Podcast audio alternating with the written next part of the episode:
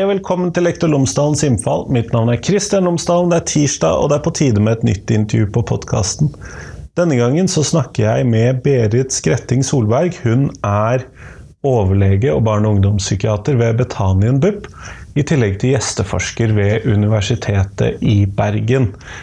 Hun har forsket på ADHD, genetikk og kjønnsforskjeller, og det er akkurat det som er tema i dagens episode. Hvordan arver vi ADHD?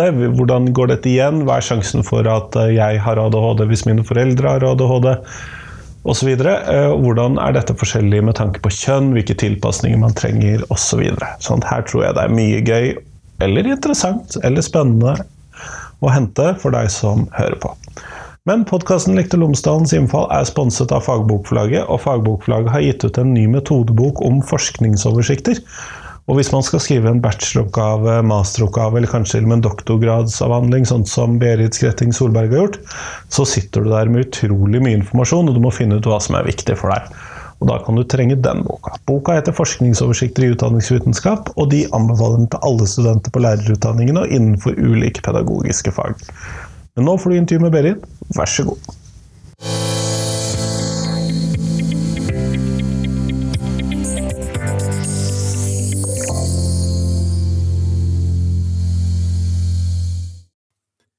Berit Skretting Solberg, tusen takk for at du har tatt deg tid til meg i dag. Takk, takk. Før vi kommer sånn ordentlig i gang, så vil jeg gjerne at du skal fortelle lytterne mine tre ting om deg selv, sånn at de kan få bli litt bedre kjent med deg. Ja, jeg er spesialist i barne- og ungdomspsykiatri og i voksenpsykiatri, og så jobber jeg som overlege på en BUP her i Bergen, og som forsker ved Universitetet i Bergen. Jeg har jobba nesten 23 år i BUP om veldig mye med ADHD. Og så har jeg en doktorgrad fra 2020 om ADHD og kjønnsforskjeller i psykiatrisk komobilitet og i arvbarhet av ADHD fra foreldre til barn. Og så liker jeg jobben min veldig godt og lærer veldig mye av de jeg møter der. Og et av de ønskene jeg har, er å bidra med helhetlig forståelse og forklaring, for da eh, er det lettere å skape mening og sammenheng, som er noe av det vi mennesker leter etter hele tiden. Kjempeflott, tusen takk. Og dette her med kjønn og ADHD er jo nettopp i kjernen for det vi skal snakke om i dag, men én ting som jeg har lært meg når det kommer til diagnoser og ulike problemstillinger, er at vi først er nødt til å vite hva snakker du om når du snakker om nå i dag, da, ADHD? Ja, det er akkurat det som litt, kan være litt utfordrende, fordi det er litt ok å ha litt bakgrunn om dette med diagnoser, da. Um, fordi at dette med diagnoser generelt er jo noe som vi har konstruert eller laga for å forstå um, uh, uh, symptomer og uh, tilstander, sånn at vi kan kommunisere med andre. Og vi har utvikla det som et felles språk for å, å, å, få til å gi best mulig behandling. Um, men så er jo det at det er nettopp eh, konstrukter eller noe som vi har laga. Det er ikke nødvendigvis en endelig eh, vitenskap eller endelig eh, eh, definisjoner som er sanne eller mindre sanne. Eh, så vil jeg gå videre litt på det med ADHD, da, fordi jeg vil skille mellom ADHD-symptomer, som vi alle har mer eller mindre av, og dermed kan det være normalt, vi kan kalle det normalt, og ADHD-diagnose. Eh, og akkurat dette her med at ADHD-symptomer kan være normalt, eller er normalt forekommende hos oss, gjør noe med at når man snakker om ADHD-diagnose, så blir det ofte noe som kan bli litt sånn ja ja, men det er jo bare å ta seg sammen. Det er jo ikke noe som på en måte Er det noe vi skal sykeliggjøre, eller, eller sånn? Ja, for de fleste av oss har følt litt på det av og til, at her tikker det et eller annet inn. ja, sant.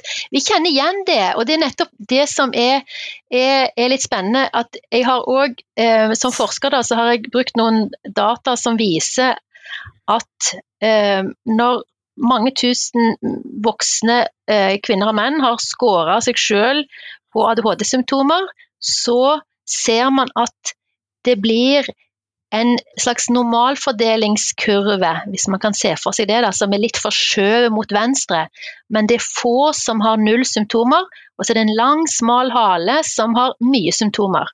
Men den store bumpen, da, der vi liksom er flest, det er liksom i nedre del av, av denne skalaen, som kan gi et inntrykk av at ADHD-symptomer er noe som vi har en god del av og som har vist seg kanskje å være nyttig. Evolusjonsmessig kan man tenke at det kan bidra med noe, at man har pågang, at man har ideer, at man følger med, man har en oppmerksomhet som får med seg mange detaljer, at det er ulike sånne trekk som er ressurser. Men så er det dette her da med um, eh, ADHD-diagnose, fordi um, eh, ADHD diagnose er mer eh, krav Altså det er knytta til mer å ha vansker i en så stor grad at det skaper funksjonsforstyrrelser eh, i hverdagen.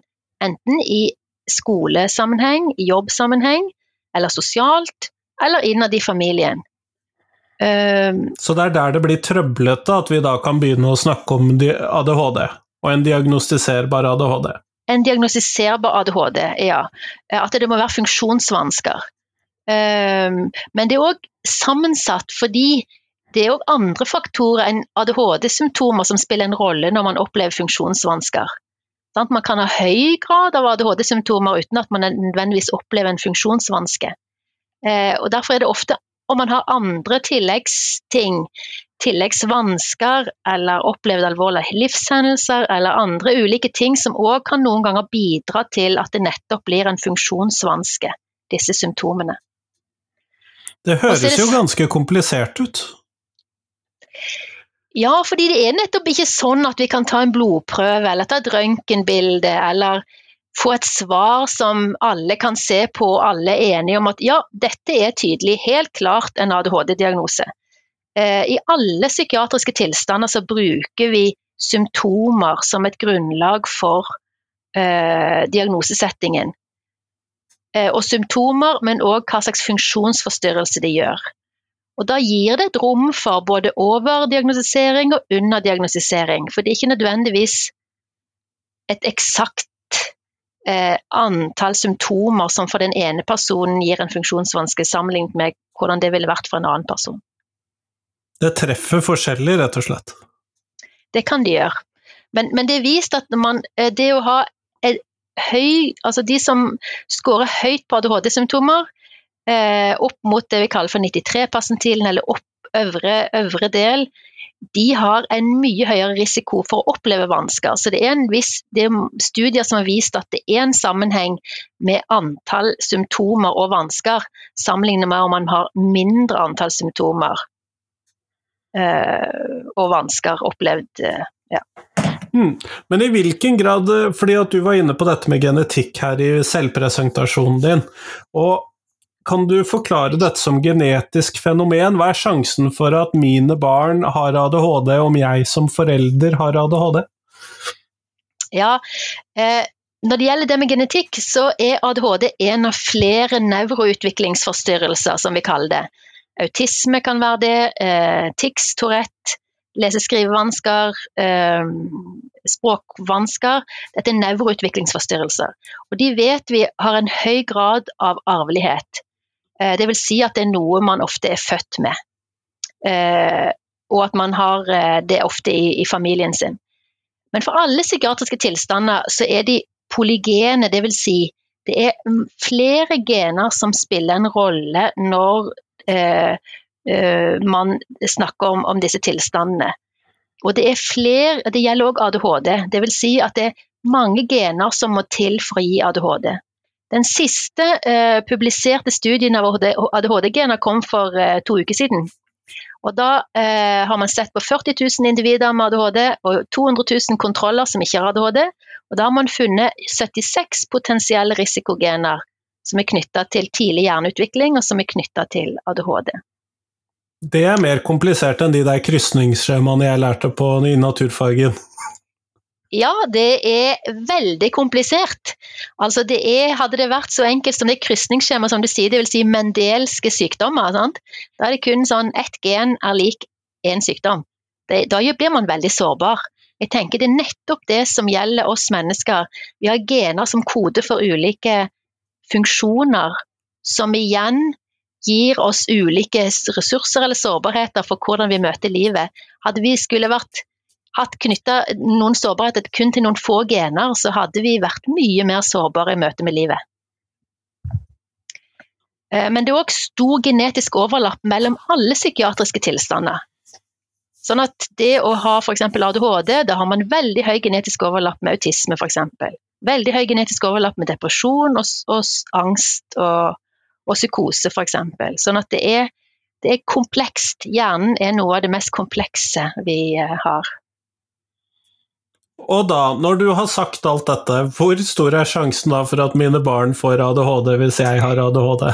Ja, det har jeg studert og, og, og skrevet en artikkel om.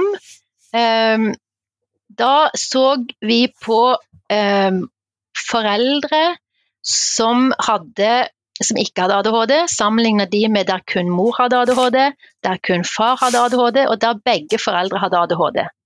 Og Da fant vi at eh, forekomst av ADHD hos barnet var høyere dersom kun mor hadde ADHD, enn om kun far hadde ADHD.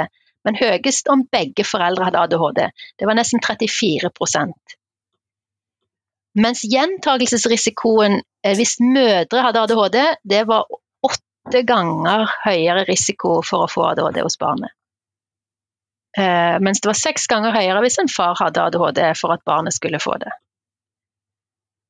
Men det å få en diagnose er ikke er lik eh, har far det eller mor det, så får barnet det. Men det er en absolutt høyere risiko. Nettopp. Og er det da større sjanse for at uh, sønner får det eller døtre får det, eller hvordan er dette? Det er større risiko for at døtre får ADHD hvis mødrene eller fedrene har ADHD. Men i absolutt antall så er det jo flere gutter i barnealder som har ADHD. Så der er det i volum og antall så er det flere gutter som får ADHD. Og det er det som òg er litt av det vi har prøvd å ha fokus på for å prøve å forstå hvorfor er det nemlig at eh, det er flere gutter i barnealder som får diagnosen enn i eh, Mens i voksen alder er det én til én, det er én kvinne til en, en mann. Um, så det har vi òg prøvd, prøvd å forstå litt mer av.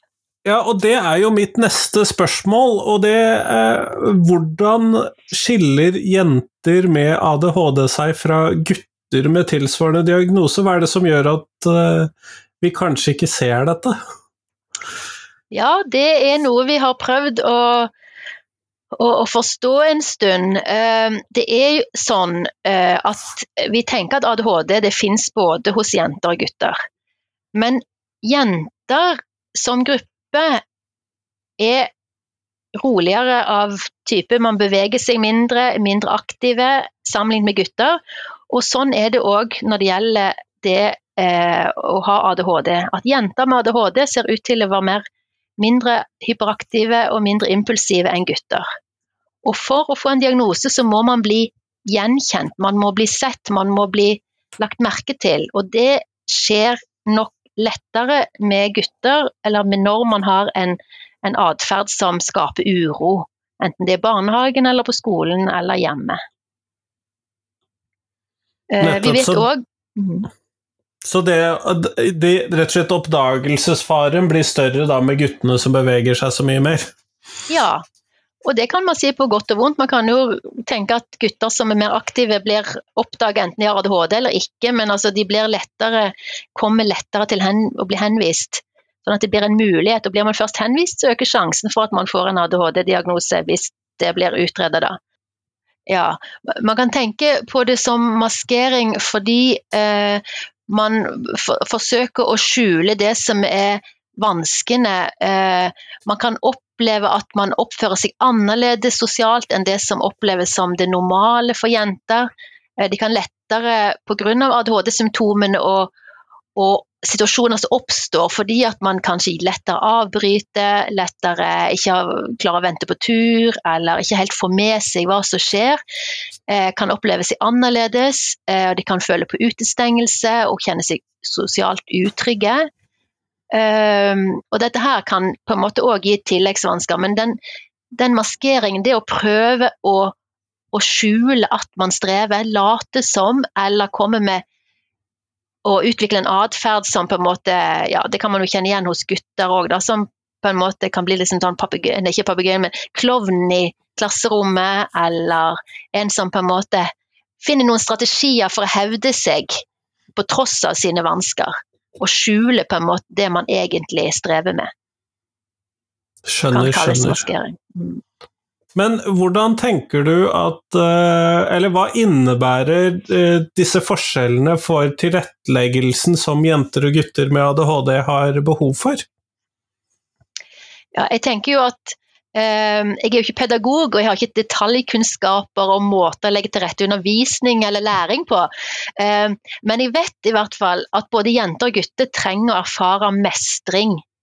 Og mestring i skolesituasjonen når vi snakker om skole. da. Og de vil absolutt gjerne oppleve seg som en av de andre, og ikke skille seg ut. Og den aksepten for forskjellighet og hvordan dette håndteres i klasserommet, som jeg vil kanskje kalle tydelig klasseledelse, eh, for å vise at man kan håndtere det på noen måte, det tror jeg er viktig. Å normalisere at man kan ha individuell tilrettelegging, tror jeg òg kan bidra og være, og være nyttig. Eh, det handler om på en måte stigma, og ikke mm, stigmatisere eller å gi rom for at man ytterligere eh, understreker annerledesheten. Sånn. Men aksepten for at ja, men dette er greit, det å bruke headset for å stenge ute lyder, eller det er I noen klasser har jeg hørt på en måte om at læreren har et helt, sånn, helt sett med headphones, og alle elevene går med det. Altså for å, så det blir liksom kult, eller det blir greit akseptert. Eh, og så tenker jeg òg at det er viktig å fange opp alle barn som strever.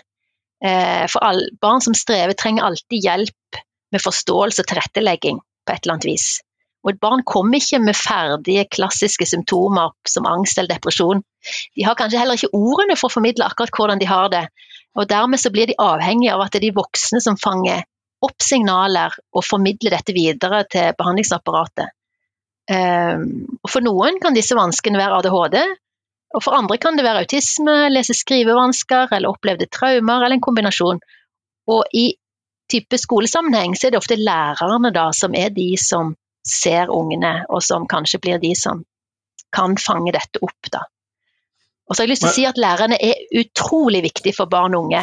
Fordi lærerne nest etter foreldre er nesten de som er mest sammen med barn og unge en stor del av livet. Eh, og på en arena som handler om mestring. For de som mestrer, strever sjelden, men de som ikke mestrer, de strever.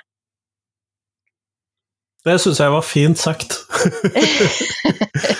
og, og, og, jeg kan jo se for meg at det må være veldig frustrerende hvis man ikke blir forstått på disse tingene, og man selv ikke har det språket for å formidle dette. Mm. Det er jo akkurat det, at barn er avhengig av at vi eh, gjetter, prøver å forstå, og det er eh, det er vårt ansvar, det er voksenansvar å, å forstå barn. Eh, Berit, hva er det du ser på som en stor utfordring for at vi skal nettopp kunne gjøre denne tilretteleggingen som eh, du her har skissert? Ja, jeg tror at, jeg vil påstå at majoriteten av barna som kommer til BUP, de strever med skole og læring av ulike grunner. Og fokus på faktorer som bidrar til dette tror jeg er viktig. Jeg skulle ønske at Brenna som utdanningsminister, Kjerkol som helse- og omsorgsminister, Gjelsvik kommunalminister og Toppe som barne- og familieminister kunne snakka sammen og sett helheten i dette. For jeg tror at manglende mestring i skolen over tid gir psykiske vansker, som betyr et økt helsebudsjett, og økt risiko for drop-out fra skole og arbeidsliv, som bidrar til et økt kommunalbudsjett og velferdsbudsjett. Dette er ulike statistikker og ulike budsjett, og jeg tror at det bidrar til at man ikke ser hvordan dette kan henge sammen. det koster samfunnet veldig mye for hver ungdom som ikke kommer seg i jobb, som en indikator på om man klarer seg selv i voksenlivet. Kjempeflott. Vi går mot slutten av dette intervjuet, Berit. Og det jeg da skal stille deg, er det spørsmålet som jeg stiller alle jeg intervjuer. Og hvilken lærer har gjort størst inntrykk på deg? Ja, det har jeg tenkt på. Eh, eh, jeg tror det må være han som ble kontaktlæreren vår eh, på ungdomsskolen eh, som vi hadde faktisk i alle tre ungdomsskoleårene. Og det var jammen noe som var nytt for oss, for vi hadde nemlig tatt, klassen min hadde hatt åtte ulike lærere i løpet av seks skoleår. Og vi gikk for å være den mest uregjerlige klassen de hadde fått til den ungdomsskolen. Eh, men han var en veldig god lærer, han var tydelig, grei. Eh, og så husker jeg at vi hadde han i norsk og historie. Det var på en måte, Å ha samme lærer i tre år det var nytt for oss og viktig for oss. Det tror jeg hørtes sunt ut. ja. Ut ifra hva du fortalte. Tusen takk for det, Berit. Mm. Ja. Takk for at du ble med i dag. Takk for at jeg fikk lov å komme.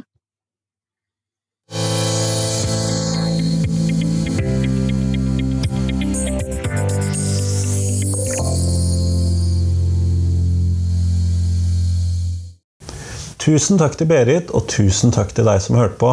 Nå er det en uke igjen. Nei, vent, det er det selvfølgelig ikke. Nå er det fram til fredag, så kommer det en ny episode på podkasten. Så skal jeg nok etter hvert nå slappe av ned til én episode i uken og én reprise, men vi har en og annen ChatGPT-episode igjen før vi kommer helt i mål med den serien. Så det satser jeg på at blir ferdig nå i løpet av Vel, første uka i juni.